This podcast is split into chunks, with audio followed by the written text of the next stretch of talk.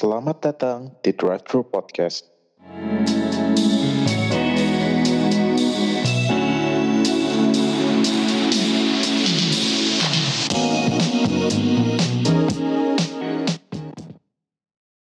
Oke, balik lagi ke Drive Thru Podcast. Drive to Yes. podcast. Masih sama orang yang sama kok. Belum pakai bintang tamu, susah Belum bayar bintang ya. tamu, ha. belum mampu kita pakai bintang tamu ya kan. Oke, kali ini nih harusnya ini jadi episode kedua kita ya. Iya, ini Kita ini mau ngomongin apa nih, kedua. Bang? Lebih ke gue nanya dulu sih pertamanya. Kalian tuh biasa kalau ngelihat sesuatu tuh dari apa sih? Katakanlah eh kalau ngelihat lukisan dulu deh gitu. Atau lihat makanan deh, ya, nggak usah nggak usah lukisan deh. Lihat makanan tuh biasa dari wujudnya dulu atau dari taste-nya atau atau atau langsung eh sorry atau dari brandnya. Ya, kita sih sebagai manusia gue judge book by cover ya. Tampilannya dulu. Wah, mantep banget nih suara motor. Kita lagi makan di Iya. Hari ini parkiran drive thru-nya apa nih kita? takoyaki. Takoyaki. Takoyaki. Dan nyambung sih dengan pertanyaan tadi dari look-nya kah, taste-nya kah, atau brandnya. Tapi takoyaki ini looks-nya oke loh. Look-nya ya Jepang kan? sih. Kan ya. Looks-nya looks-nya Jepang, Jepang gitu. sih, menjanjikan gitu. taste-nya aja gitu. Ya karena juga udah ra- tahu rasa takoyaki, kira-kira bisa lah Iya. patokannya Ah. gimana ya? Iya, kita kita kita jadi punya patokan lah gitu Iya. ya. Kira-kira gitu lah ya. Ah, ah. Nah, speaking of kita punya benchmark akan sesuatu gitu ya. Sekarang gue mau nanya mau ngalihinnya sih lebih ke selain makanan ya. Hmm. Gue mau coba ngalihin sekarang ke lagu. Ini Oh. agak agak agak agak seru nih karena semua orang hampir setiap hari pasti dengerin lagu lah ya, entah apa pun itu lagunya gitu. Dan lagu itu kan kadang-kadang punya arti tersendiri buat buat orang gitu. Dan kita tuh biasa ngeliat lagu dari apa sih? Dari liriknya dulu atau dari musiknya Nah, tuh. atau dari penyanyinya. tipe yang mana nih? Nah, Joy kayaknya dari lirik jangan-jangan. eh, Eh, ayo, menurut lo gimana? lo dulu deh, Pan. Gue dari lirik sih. Karena dia pernah dia aja dengerin lagu Hillsong itu yang masih berkesan buat Oh iya. Loh. By the way, by the way, beliau ini. Masih dibahas sampai sekarang. Ya? Iya. Fanny atau Joy ini dia itu adalah apa ya hijabers. Yang- Yang yang masih newbie juga sih Yang baru masih dua, tahun tiga tahun. Tetap lah itu itu niatnya sudah bisa di appreciate lah ya kan? Intinya ya gue muslim tapi gue suka Hillsong dan dia lebih dia mendengarkan lagu? Hillsong yang gak gue dengarkan gitu. Yang gue ternyata ya, gue pikir itu nih? kayak lagu yang kan biasanya kalau orang Kristen salah satu ibadahnya dengan bernyanyi. Nah gue pikir lagu-lagu Hillsong tuh ya pasti udah diketahui sama banyak eh, pemeluk Kristen apalagi yang rajin ibadah di gereja gitu. Ternyata temen gue yang menurut gue cukup anak Tuhan siapa? lu. Kagak tahu. Gue kayak wah masa sih gue gak nyangka gue dikira seperti itu. Thank you loh. Gue juga punya teman yang lebih anak Tuhan lagi ya. Maksudnya kayak lebih rajin gitu ya. Dia juga nggak tahu. Jadi gue mikir oh mungkin ya emang beda-beda aja kali ya. Karena pas gue lihat nih barat kalau di Islam tuh ada ini sorry banget nih jadi ngomongin agama. Ya maksudnya kita ngomongin musiknya ya. Eh kita bicara musik deh. Eh, kalau ibaratnya gue ceramah kalau Hillsong tuh yang memang dia udah konser ke mana-mana untuk sambil apa sih namanya kalau di sambil kayak nyanyi bareng ibaratnya ibadah bareng Iya. gitu loh. Dan itu seru banget terus dan semua orang sing along ya? Iya dan gue gue kira itu hal yang common dan semua orang pasti tahu. Mungkin yang Tidak juga. teman-teman gue yang Kristen atau Nasrani saya pun tidak tahu kadang-kadang. tidak tahu ya. Gue juga kenapa gue tiba-tiba nyampe ke situ dan gue suka banget berarti gitu. personalnya emang pas gue tahu alasan Iya. Nyoi suka lagu itu dan gue nyari tahu kenapa sih. Ternyata liriknya sangat indah gitu. Poetik gitu dan Poetik. pas dengerin ada beberapa lagu yang gue nggak tahu sih gue nggak ngerti dengan basic musik ya tapi ketika lu dengarkan itu lu langsung tahu esensi yang lu dapat syadu banget gitu jadi buat ini kalau ada yang denger ini ya misalnya lu penasaran apa sih Hillsong, Hillsong tuh ada Hill- Hillsong United dan macam-macam. wah dia lebih tahu Iya, coy lebih tahu daripada gue gue cuma tahu Hillsong satu Hillsong Iya. United udah itu doang Gue kayak pernah nyari ternyata ada beberapa mm, mungkin band atau vokal grup gitu namanya Hillsong juga. Intinya sama gitu mereka praise God. Tapi beda nih maksudnya bukan Hillsong United aja gitu. Terus pas gue tahu wah ternyata gue pikir cuma ada satu ini doang nih gitu.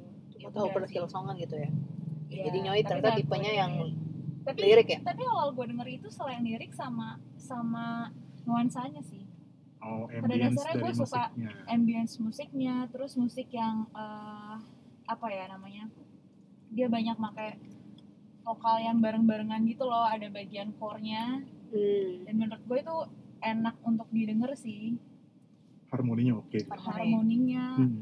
Semacam itu Bukan sih harmoni yang di Gajah Mada sih itu tapi Nah, beda beda Pak. beda itu. Hmm. bapak jokesnya sangat ini ya boleh ditingkatkan lagi kurang kurang kurang. disesuaikan dengan umur Iya. Banyak nggak ini padahal maksudnya pendengar tuh bisa menjangkau umurnya pendengar Iya, gitu tapi dari berbagai kalau- range gitu kalau kalau lu apa ya kalau lu belum tahu Hillsong United coba aja denger sih menurut gue salah satu lagu favorit gue judulnya Ocean Nah, itu Gua jadi lagu favorit gue sih sangat menenangkan terus juga ya enak lah gitu.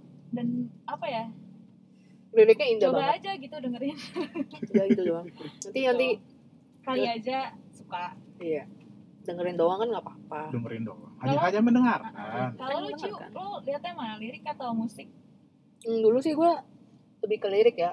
Nggak tahu sih kayak I'm craving apa for such a good lyrics kayak yang kata-kata yang indah gitu-gitu. Tapi lama-lama apa ya lebih ke arah sekarang sih kadang-kadang tergantung mood ya. Kadang bisa karena musiknya ya balik lagi karena liriknya. Tapi jujur sekarang gue lagi ke arah musiknya sih ambience-nya gitu. Kayak ada lagu yang gue suka. Lagunya ini deh si Niki yang Indigo. Hmm. tapi kalau dinyanyiin Niki gue nggak begitu suka gitu. Maksudnya biasa aja enak. Tapi ketika gue lagi ada ada satu choir the resonance something itu gue lupa the resonance kan. Dia nyanyiin lagu Indigo ini jadi bentuk choir. Dan itu tuh tiap hari itu ada gue selalu dengerin. Karena seindah itu harmonisasinya dan gue kayak sampai ke hook. Jadi bener-bener setiap hari tuh gue loop di YouTube. Dan gue sampai sering banget kayak nge-tweet deh untuk minta petisi 88 Rising supaya masukin ini di Spotify. Karena se itu yang kayak gue selalu dengerin gitu. Karena jadi sekarang kayak musik deh nggak jadi terlalu lirik-lirik banget lagi gitu Hmm. tapi ya depends on situation sih kadang ada beberapa yang orang karena nge-tweet ternyata dia nge-tweet lirik nih oh indah pas di search oh ternyata liriknya lagu gue kira dia bikin sendiri atau apa ternyata itu kata-kata dari lirik lagu ya udah Dan ternyata liriknya meaningful gitu ya. iya meaningful gitu Hmm. kalau lu bang apa Kalau gue sih agak beda dari kalian berdua ya. Kalau gue biasa dengerinnya musik dulu gitu. Karena ya kita biasa lagi diem dengerin lagu atau lagi nyetir gitu kan. Terus tiba-tiba dengerin, oh ini musiknya enak nih, catchy gitu kan. Musiknya catchy atau at least nadanya catchy. Hmm. Kayak contoh deh lu lu lu, lu sebenci-bencinya lo sama lagu nggak enak gitu ya. Kayak contoh gue dulu 10 tahunan yang lalu waktu Justin Bieber baru keluar gitu.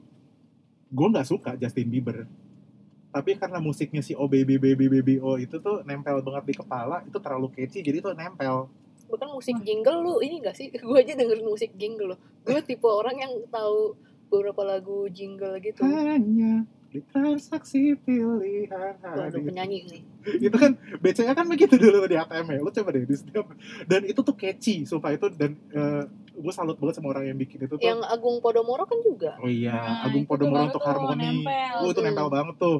Seiring langkah membangun negeri depannya inget banget gue. Iya. Sama lagu-lagu apa? Hanura itu dulu juga ada. Oh itu gue malah lupa kalau Wah itu. itu gue dulu lagu-lagu itu mirip kayak lagu apa apa Agung Podomoro sih Haha. gitu gitu kan itu musik kan sebenarnya kayak Iya. sesuatu yang aduh apaan sih ini tiap hari denger tapi lama-lama lu nyanyiin Hmm. gue tiba-tiba nyanyiin gue tiba-tiba tahu lagu jingle Pertalite lu gak ada yang tahu kan? Hanya Pertalite yang aku mau. Oh, itu gue gak tau Okta Sumpah, sumpah itu gue gak tau, itu gue gak tau lo harus cari di YouTube hanya? Pertalite. Iya, lu dengerin di mana coba? gue dengernya di mana? Itu kayak pernah jadi iklan deh. juga gak denger tuh itu. Itu Gak pernah ada diputerin itu kayaknya. pernah jadi iklan terus kayak apaan nih gitu. Terus kayak lama-lama gue bahas sama teman gue dan akhirnya gue dengerin juga di YouTube looping gitu hanya Pertalite. Iya terus habis itu eh, kalau gue biasanya berawal dari musik. Eh, Oh ini musiknya enak nih gitu. Baru setelah itu gue Bikin musik itu baru gue dengerin lirik, baru gue lihat liriknya gitu. Gue baca liriknya tuh kayak gimana. Ada beberapa lagu yang dari dulu bahkan gue baru kayak lagu bertahun belasan tahun yang lalu gue baru tahu liriknya tuh sekarang. Hmm. Hmm. Contoh Matramannya di Upstairs. Mm-mm. Itu tahun kapan gue baru tahu liriknya kayak tahun ini deh.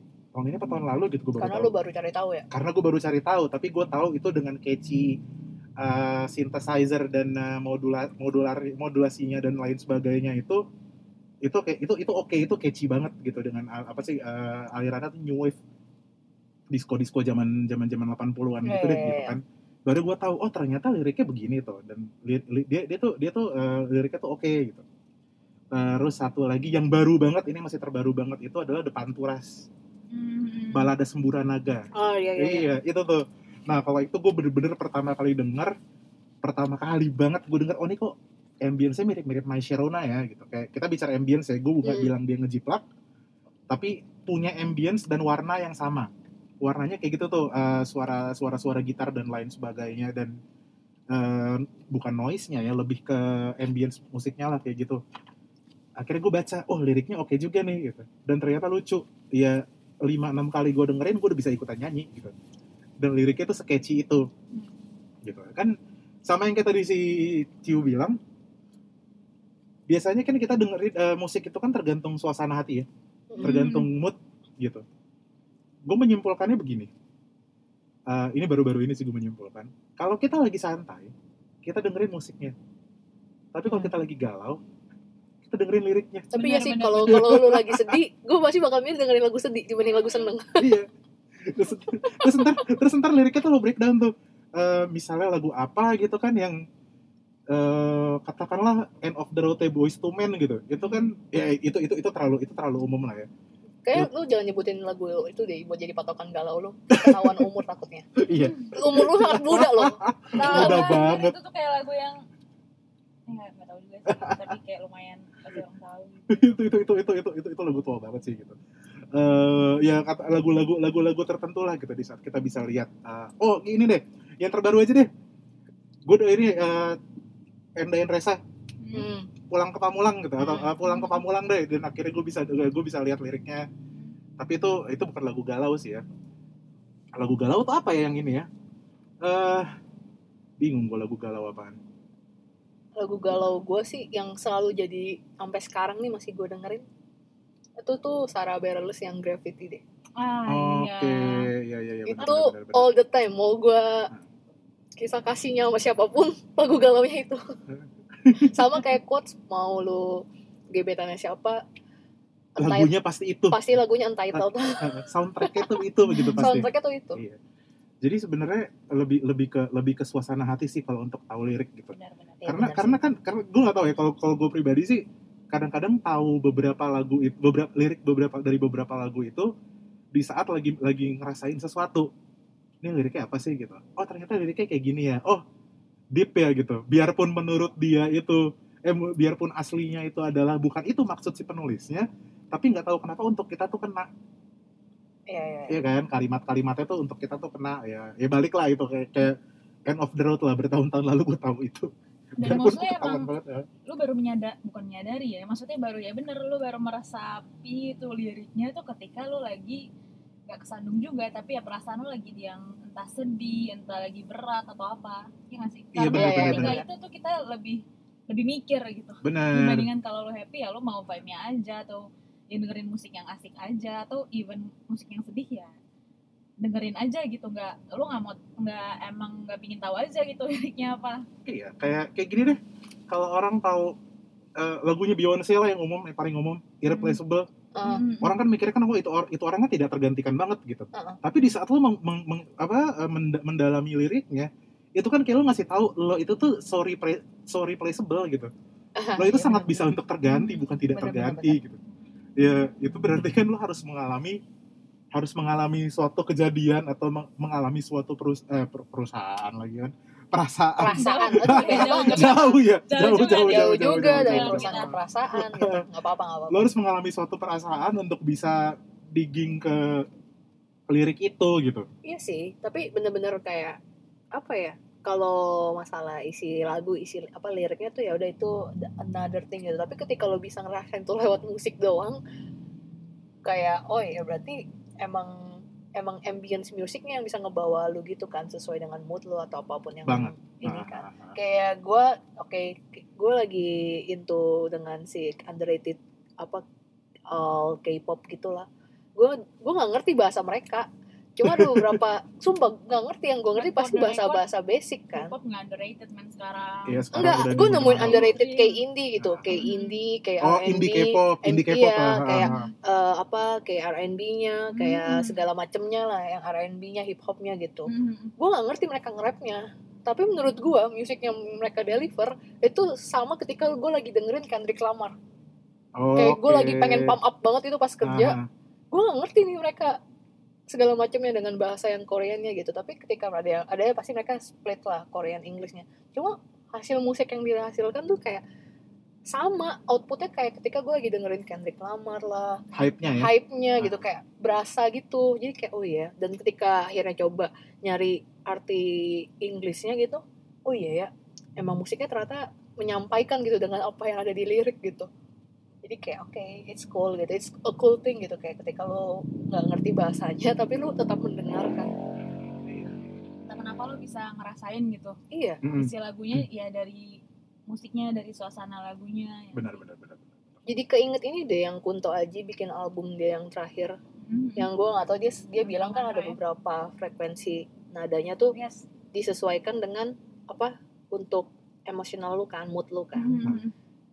Itu Awal. kayak dia pakai ada eksperimen sendiri kan frekuensi Mm-mm. tertentu yang dari frekuensi itu eh, itu masuk kayak hal-hal yang bisa menenangkan pikiran lo atau bikin lo relaksasi gitu Mm-mm.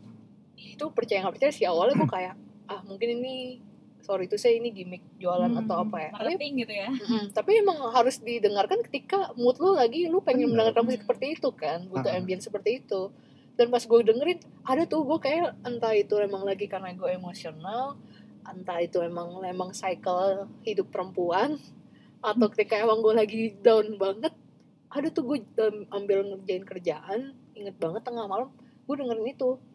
Gue dengerin yang dia baru yang sulung deh atau apa. Gue Mhm. nangis dong. Tapi gue yakin nggak nggak nggak nggak sedikit ya orang yang seperti itu seperti itu ya. Karena emang ketika lo dengerin emang itu lagu menurut gue paling pas lo dengerin lagi sepi gitu kan lagi sendirian lo dengerin tuh full lo pakai headset lah itu di dua telinga lo dan lo benar-benar bisa ngerasain ambience-nya sama lo ngerasa kayak ditemenin gitu Iya. Iya, iya. benar, benar. perasaannya itu tuh nyampe dan mungkin Ah. maksudnya si Kuto Aji juga mau ngasih tahu kayak eh tenang aja gitu lo nggak sendiri gitu Hmm. it's okay kok gitu Itu itu itu sebenarnya warnanya sama kayak gini lagi kayak kalau kalau zaman gue dulu tuh ada lagunya Tip X Hmm. yang apa? eh yang kamu tak kamu nggak sendirian. Mhm. Itu kan dia kan dia kalau itu dia membawa kalau, kalau orang ngerasa sendiri dikasih dengan dengan hype musiknya dia gitu ya musik ska yang ceria gitu jadi nge- ngebawa bahwa eh kita nemenin lo loh gitu kita tuh nemen- nemenin lo di sini jadi kalau lo dengerin lagu ini udah lo inget bahwa lo nggak Iya, sendirian sama berarti kalau musik ada di gue juga ini gue nggak tahu ya sorry kalau referensi gue lagi ke Koreaan gitu Hmm.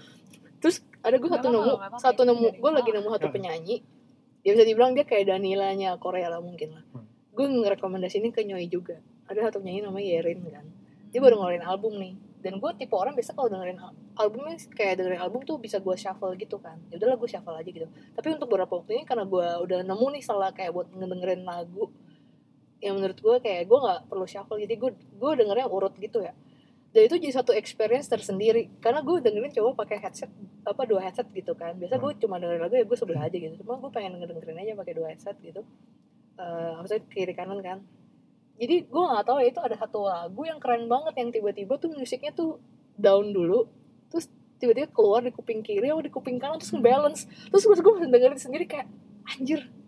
Walaupun Inggrisnya apa liriknya Inggris ya tapi pas dari musiknya itu udah kebayang kayak isi ceritanya apa gue tuh kayak wah anjir ini emosional tuh roller coaster gitu. Dan itu satu experience yang menyenangkan buat gue jadi gue kayak semangat banget dengerinnya gitu loh sampai sampai akhir ternyata tuh kayak ada benang merah ceritanya gitu. Dan Hmm. musik itu bisa membawa lo masuk ke eh, sorry itu bisa membawa lo masuk ke dalam dunianya hingga emosi lo seperti dimainkan oleh musik itu gitu ya. Iya keren Nah. banget deh. Menurut gue tuh kayak gue baru tau juga kan karena gue sama ini kayak dengerin lagu ya cuma sebagai kebutuhannya dengerin lagu buat temenin kerja atau apa gitu. Tapi pas gue pengen coba dengerin gitu main coba ya mendapatkan experience baru biar gue nggak bosan lah. Karena gue mem- membaca artikel ya ya udah coba deh try to listen to music dengan benar-benar purely listen to it gitu kan. Hmm. gue coba nih pakai headset nih dua-duanya gitu.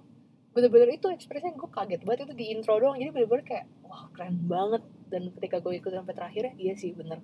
Satu experience yang menyenangkan.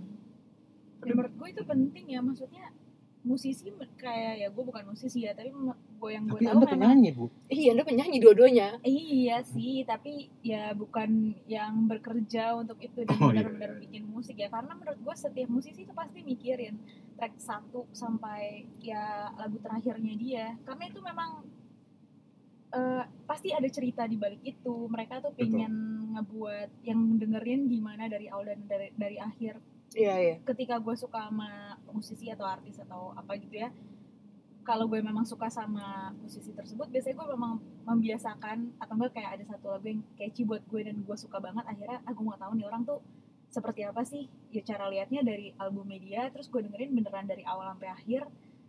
Walaupun gak di satu masa yang kayak hari itu gue spend 2 jam gue mau dengerin itu enggak sih tapi kayak bisa sambil gue jalan atau sambil Hmm. ngapain. Tapi gue jadi oh ini orang mau ngasih yang kayak gini nih enak nih gue suka Iya, ambience-nya iya, iya. atau apa dan itu Hmm. selalu mereka bener-bener mikirin itu ya kayak lagu pertama apa terakhir apa sethoughtful itu kan kayak nggak nyangka Benar benar benar. selalu ada benang merah yang akhirnya oh ini nih albumnya makanya judulnya ini misalnya kayak Iya, Iya. emosionalnya apa emosinya tuh dari naik turunnya tuh dimainin gitu kan, Mhm. kayak wah keren sih gue kayak wah itu tuh experience yang menyenangkan gitu. Iya. Kalau gue sih lebih ke kalau gue kalau gue dengerinnya sih bertahap lah ya kalau untuk musik. Biasa gue dengerin awal musik dulu, habis itu gue mulai dengerin kayak Cio tadi bener-bener pakai handsfree atau pakai headset atau apa pun itu lah ya. Gue dengerin karena gue mendengar musik harus dari kuping dan di situ gue mulai bedah tuh, bukan bedah ya. Hmm. Semua suara gue coba tangkep Ah, dan dan semuanya ya. Ah, ah. Oh, suara drumnya begini nih, oh suara gitarnya gini nih, oh ada suara ini, ada suara ini, ada ambience seperti ini gitu. Baru gue mulai masuk ke liriknya. Nah setelah itu gue biasa biasa gue suka lihat tuh, eh, oh albumnya tuh ini. Ternyata satu album tuh warnanya kayak kayak gini nih Ah, gitu. iya, iya, Ah, iya. kan kan baru kelihatan kan. Iya iya iya. Dan ternyata sama yang tadi Nyoi bilang itu tuh bisa dalam satu kita bisa tahu bahwa dalam satu album itu benang merahnya itu seperti apa gitu loh. Oh, karakternya tuh kayak gini tuh. Oh, warna warna lagu di album ini tuh kayak gini gitu. Nah, ini ini ini ini terjadi ini terjadi sekitar zaman gue SMA dulu, lagu emo. Lagu-lagu dengan band- band-band emo lah gitu. Iya kan, Iya, ngerti banget gue. iya band emo itu tuh dia dengan musik metal, dengan musik post hardcore lah dulu dibilangnya. Tapi liriknya tuh galau. Emo boy. Iya, lirik liriknya tuh galau gitu kan. Liriknya galau dengan musik de- dikemas dengan musik metal. Jadi kayak eh, nggak tahu kenapa kadang-kadang gue bisa ngelihat orang pada saat dia dengerin lagu emo itu mereka moshing. Padahal, eh itu lagu galau apa yang mau lo moshingin gitu kalau misalnya dengerin liriknya. Tapi kalau mau ngambil keluarin air mata itu udah maksud tersendiri. Oh itu udah masuk tertentu itu itu biasa itu biasa emosinya dia sih kayak eh, Kebawa kebawa gitu banget kan. ya bener bener bener bener. itu gue baru menyadari loh zaman dulu SMP gue berarti tipe yang oke ngikutin hype nih bener itu dengerin lagu emo kan segala macam tapi pas udah seumur sekarang kan suka throwback nih kita kan Iya, dengerin benar. lagi kalau di ini liriknya sedih banget gitu liriknya patah hati banget gitu. Tapi lagunya tuh hype banget nih. Gue sampai bingung ketika gue sedih. Gue pengen dengerin lagu ini tapi terlalu hype liriknya. Jadi kayak bingung. gimana nih moodnya gitu. Tetap aja sih dengerin cuma buat berarti ini oke. Buat ambience lu kalau mau teriak-teriak sambil galau. Bener bener bener. Dan menyalurkan emosi lo saat lo galau gitu kan. Emo tuh kayaknya itu deh, me- menyalurkan emosi di saat galau. iya mungkin itu tipe-tipe yang kayak gitu ya ah. tanpa kita tahu sebenarnya isinya apa awalnya apalagi kalau emo yang screamo yang teriak-teriak gitu tuh Iya tuh, ternyata isinya lagunya liriknya galau kan. padahal liriknya galau iya gitu Berarti emang harus apa ya dengerinnya emang tergantung tergantung mood sama tergantung situasi iya Mm-mm.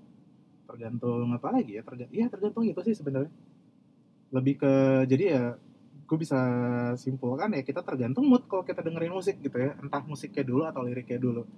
Nah sekarang sebagai penutup nih ya sebagai penutup kita intinya musrik nih. Musik nih musik bener ini musik, musik. banget ini. atau lirik. Musik atau lirik gitu kan. Nah sebagai penutup kasih deh satu kita masing-masing kasih satu lagu di mana ya musik dan liriknya itu sangat catchy Eh, liriknya juga bisa mengingatkan kita akan sesuatu dan musiknya juga kayak kalau kita ada di satu tempat itu itu kita terbawa banget sama lagu itu. Kenapa sih dia selalu ngasih pertanyaan tuh? Susah banget ada yang lebih mudah. Ada yang udah udah nggak nyampe gitu. Seperti biasa gue yang terakhir nih. Sebagai operator. bagian kesimpulan. Emang lu kampret juga Cio gue seperti ini nih. Kalau di ILC ada yang nutupnya gitu. Iya ini. Closing statement closing, Closing statement, statement. Kalau- Coba dari Bang Nanda. gue dulu ya. Apa ya anjir? Gua dulu ya. langsung mikir gitu apa nih. Gue dulu deh. Satu lagu yang bener-bener musiknya ny- musiknya nyampe musiknya dapat liriknya juga dapat lagu lama sih sesuai umur lah ya. Club Project Yogyakarta. Lo iya dong lo denger Iya, itu. iya. Pengen ke Jogja. pengen ke Jogja dan Sama- ambience dan, dan kerasa ambience Jogja Jogja, banget gitu itu kayak. itu Jogja banget dengan dengan dengan eh, liriknya dia tuh yang bener yang bener-bener sinematik Iya, liriknya iya, gitu ya yang teatrikal lah liriknya tuh yang bener-bener dia bisa ngasih tahu bahwa Jogja itu eh, seperti ini Jogja ya. tuh seperti ini loh gitu dan emang bener-bener dengan segala keramahannya itu tuh kita pengen bikin Jogja kita, kita pengen balik lagi ke Jogja karena tuh Jogja tuh bener-bener istimewa Wah, gitu. Kalau buat gue sih itu kalau kalau kita kita kita bicara lagu lokal deh itu itu lagu lokal ya. Iya, iya. Kalau lagu luar itu yang kira-kira sesuai itu apa kalau gue ya? Eh aduh lagu lama lagi gue umur gue umur gue ketahuan sih. sekarang tuh yang dengerin podcast tuh bisa berbagai Usia gitu. usia tuh. Iya. Jadi lo gak perlu takut. Eh, ayo gue gue kasih dua lagi deh kalau gitu lagu luar deh biar Boleh, lagu boleh, lama boleh. sama lagu baru lah ya. Boleh. Boleh. Ya udah. Jadi kasih inspirasi buat kita Iya, sebenarnya. Apa nih ya? yang lagu lama itu lagu Def Leppard judulnya Two Steps Behind. Wah anjir kalau itu gue gak tahu sih. Itu gua Kayaknya udah ketinggalan deh masa gua. Ah, makanya itu, itu adalah itu lagunya Def Leppard tuh Two Steps Behind gitu di mana dia dengan kalau itu itu sesuai ambience lagunya, aransemen musiknya dan liriknya gitu. Dan maksudnya judulnya aja tuh udah kayak punya meaning meaning Udah punya gitu. udah itu itu udah meaningful gitu. Jadi ya ya biarpun dia intinya di situ biarpun dia ke mana pun si orang ini pergi, si sosok orang pertamanya ini akan ada di eh, akan look over dia dari dua langkah di belakangnya. Itu. Kalau untuk lagu baru yang paling teatrikal agak-agak agak-agak sebenarnya agak-agak agak-agak kontradiktif sih kalau ini. Lagu Bruno Mars Versace on the Floor. Wow, udah berubah nih. Seru-seru. itu itu teatrikal juga loh. Dengan kronologi-kronologinya dia. Iya Bikin sih. lo bisa visualisasi. Iya, gitu itu itu itu bi- bisa bikin kita visualisasi gitu loh. Dengan apa namanya Versace on the floor itu maksudnya apa? Akhirnya karena musiknya yang catchy, kita lihat liriknya, oh kayak gini. Sampai akhirnya dari pertama kali dia eh, ketemu sampai akhirnya magic happen itu terjadi. Nah, gue gue itu sih Yogyakarta, Two Steps Behind sama Versace on the floor. Gila Ini ketawa. kalau gue tulis nih referensi lagu ya kan dari Mending kita- Yogyakarta, Step Behind sama Versace on the Floor emang ada perubahan ya. Oh, lebih perubahan lagi yang tadi yang pertama depan Turas. Eh, bisa jadi bisa kita bisa ada bikin kuis nanti. Coba Iya. tebak umur Bang Nanda. Tebak umur saya. Tuh mainnya umur lo ya, padahal gue juga gitu. iya. Tapi gue masih Enggak, muda loh. Tebak, te- tebak lagi batok. tebak eranya Bang Nanda di mana. karena itu karena itu ada berbagai macam era itu oke sekarang apa Van? Fani apa Wah susah banget pertanyaan lu bang, jujur gue bingung ya. Apa ya? Aduh, kayak harus cari lagu yang meaningful terlalu banyak Ah. gitu. meaningful itu dalam artian pokoknya lirik dan musiknya itu adalah udah bisa mewakilkan dan membangun emosi lo gitu Anjir, ciu, lu sikat ciu. Aduh, gila. Gue lagi Lu dulu. jangan jadi ini doang lu, tukang kesimpulan doang lu, pikir. Oke. kesimpulan nggak apa-apa lo lagi gitu tapi yang jelas lo, lo yang kedua deh ntar Fani yang terakhir Iya deh, iya deh. Eh, Aduh, kalau ngebahas ya pertanyaan. ada sih sebenarnya nggak kayak nggak tahu deh nyambung apa enggak tapi gue kalau dengerin lagu ini tuh gue pengennya tuh ngelewatin tunnel tunnel di tol ini tuh gara-gara film sih. Pasti pada nonton kalau misalkan ini. Ya filmnya The Perks of Being Wallflower kan. Di mana dia Oh, ketika dia iya. ngelewatin Iya. tunnel tuh yang keputar tuh lagu David Bowie yang Heroes kan. Ah, Terus gue gue sel- gue sampai di tahun kapan ya gue masih melakukan itu. Ketika gue nyetir ngelewatin tol yang ada tunnelnya gue sengaja muter itu. Kayak nggak tahu kenapa ambience gue pengennya ngerasainnya itu tuh. Nggak tahu kenapa ya apa mungkin karena ke bawah film pas gue nonton kayak ke hook gitu dan pas gue apa ngerasain sendiri kayak oh ya satu pengalaman yang menyenangkan gitu itu terus ada lagi kalau misalkan gue gue suka banget ini adalah lagu yang gue nggak tahu kenapa selalu gue dengarkan Mhm. Eh, tapi eh, dengarnya tuh ketika gue nggak bisa tidur eh gue dengarkan juga ketika apa ya nggak bisa tidur karena galau atau karena apa sih Atau karena lapar kayaknya. Iya. lapar kayak oh, lapar ya ketika pokoknya nggak bisa tidur karena mungkin gue overthinking atau apalah segala macam pastilah ngerasain gitu. Gue selalu dengerin lagu ini eh oh nya Coldplay. Oke ya, itu ya, tuh ya. menurut gue Wah iya tuh. itu nggak tahu kenapa ya. Gue kadang gue pengen gue tuh tipe yang mungkin tidak bisa mengekspresikan gampang nangis yang gimana gitu. Tapi gue pengen banget ada satu masa kayak gue gue capek deh gue pengen nangis gitu.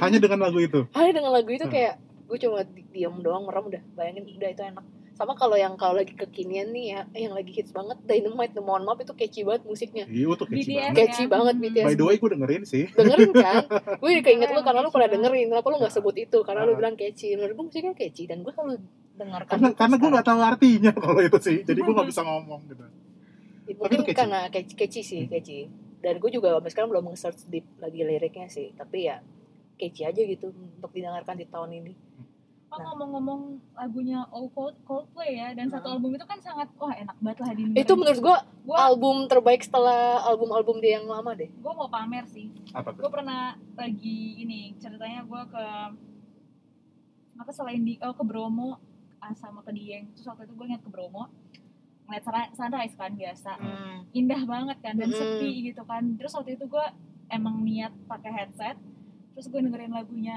Coldplay salah satunya lagu itu sealbum itu tapi yang kayak yang oh tuh terus gue sambil diem nikmatin dingin sama ngeliat sunrise wah wah itu tuh album dia di Ghost waduh, Stories enak banget itu Yang Menurut paling gua- yang paling nge-trigger lo di album itu apa? Di lagu apa gitu menurut pas- pada saat itu mungkin sesuai dengan suasananya ya. Yang paling teng gitu.